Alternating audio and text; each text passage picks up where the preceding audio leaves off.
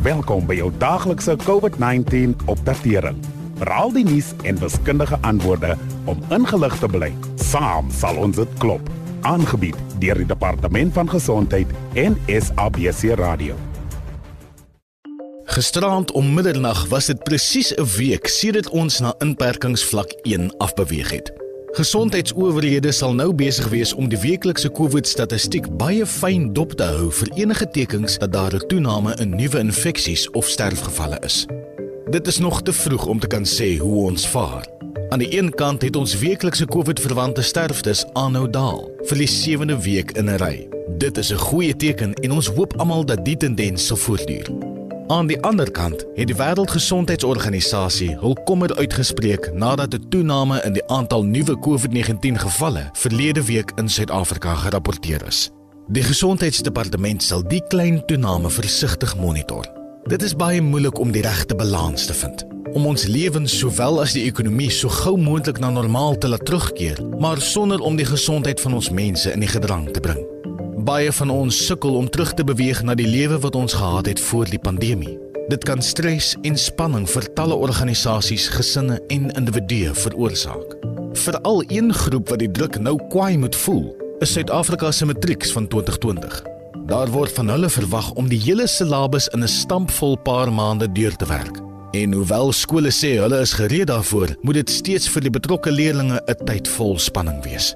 Vandag gesels ons met ons gas om raad te kry vir ons skooliere en om die uitdagings wat hulle in die gesig staar beter te kan verstaan. As jy na afloop van hierdie insetsel enige vrae het, besoek asseblief ons Sikaba iCovid19 Facebook bladsy waar ons kundiges jou van antwoorde kan voorsien.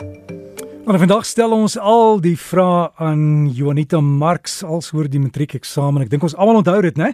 So met al die onsekerheid Juanita oor die huidige skooljaar, glo ek dat ons matrieks veral nog so 'n bietjie angstig voel. Wat is die jongste inligting oor die matriekeksamen? Ja, die verkorting van Suid-Afrika se skooljaar as gevolg van die inperking het sake erg bemoeilik. Ons het minstens 5 weke van onderrig verloor en baie leerders het eers in September vir die eerste keer sedert Maart teruggegaan skool toe, met net enkele skole wat intussen aanlyn onderrig aangebied het. So alle sleuteldatums het verskuif en skole en die regering werk daaraan om dinge reg te stel. En vir die matriek is die eksamens aangeskuif vanaf hulle normale begindatum in Oktober na 5 November tot 15 Desember 2020. Dit beteken ook dat al die uitslae baie later as gewoonlik sal uitkom, na verwagting op 23 Februarie 2021. En hoe gaan dit skoolverlaters beïnvloed vir al diegene wat met tersiêre opleiding begin? Die departement het leerders verseker dat die laat uitslae nie sal keer dat hulle by hoër onderwysinstellings toegelaat word nie. Hierdie is buitengewone omstandighede en hulle werk saam met die universiteite en colleges hieraan. Die minister van basiese onderwys, Angie Motshega het onlangs gesê dat alle universiteite ingestem het om 2020 se akademiese jaar tot einde Februarie 2021 te verleng, sodat die nuwe groep tersiêre studente in Maart of April 2021 kan begin. Ons baie veranderinge, maar dit klink na die beste plan in 'n moeilike situasie. Wat van ander leerders, sien maar die graad 10s en 11s?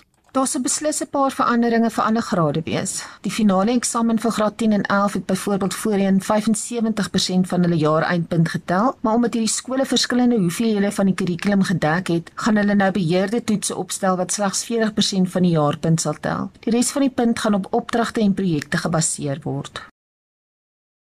En wat moet leerders en die onderwysers oor hulle veiligheid by die eksamenlokale weet? Skole moet leerders sowel as eksaminatore help om sosiale distansiering en goeie higiëne praktyk te handhaaf. Lesenaars in eksamenlokale moet dit byvoorbeeld moontlik maak om sosiale distansiering toe te pas en die lokale en die lesenaars moet tussen eksamens deeglik skoon gemaak word. En alle leerders en personeel moet 'n masker dra. Een wenk is om seker te maak jy het 'n gemaklike masker sodat nie jou aandag aftrek of jou konsentrasie verbreek terwyl jy skryf nie. En Jonita eksamens kan selfs in die beste omstandighede 'n stresvolle tyd wees. En dit was by ons 'n ekstra stresvolle jaar. So watter advies het jy vir die leerders? Ja, dit is so belangrik om te besef dat dit vir hulle 'n moeilike tyd is en dat hulle tydens die eksamens hulle gesin en gemeenskap se ondersteuning nodig gaan hê. Begin so gou moontlik om vir die eksamens voor te berei sodat jy jouself nie onder druk sit nie. Al het jou skool nog nie met hersiening begin nie, is dit nou 'n goeie tyd om weer jou handboeke en aantekeninge te begin deurgaan en probeer regtig kyk watter dele van die werk jy nie verstaan nie en vra so gou as moontlik vir hulp. Een van die beste maniere om self te leer is om iemand anders te leer. So probeer die konsepte aan jou suster, jou ma, jou ouma of jou hond te verduidelik. Wie ook al wil luister. Selfs as jy alleen is, kan jy die materiaal vas lê deur dit hardop te lees en met jouself daaroor te praat. Ons stem saam met daai en maar enige ander wenke?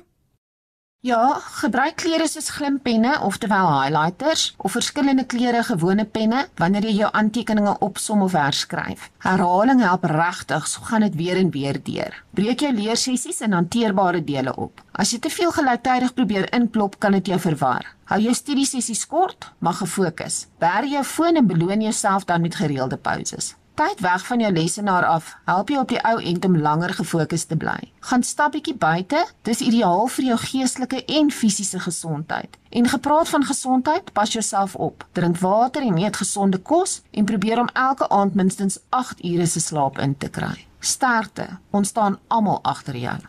Ek dink almal staan agter almal. Uh, dit was Jonita Marx. Jonita baie dankie vir al die wenke en sluit môre weer hier by ons aan op RSG wanneer ons gaan bespreek hoe om met die verlies van 'n geliefde saam te leef.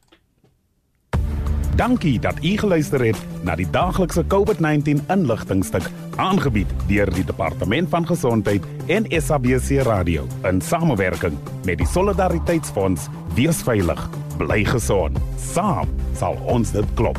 Suid-Afrika.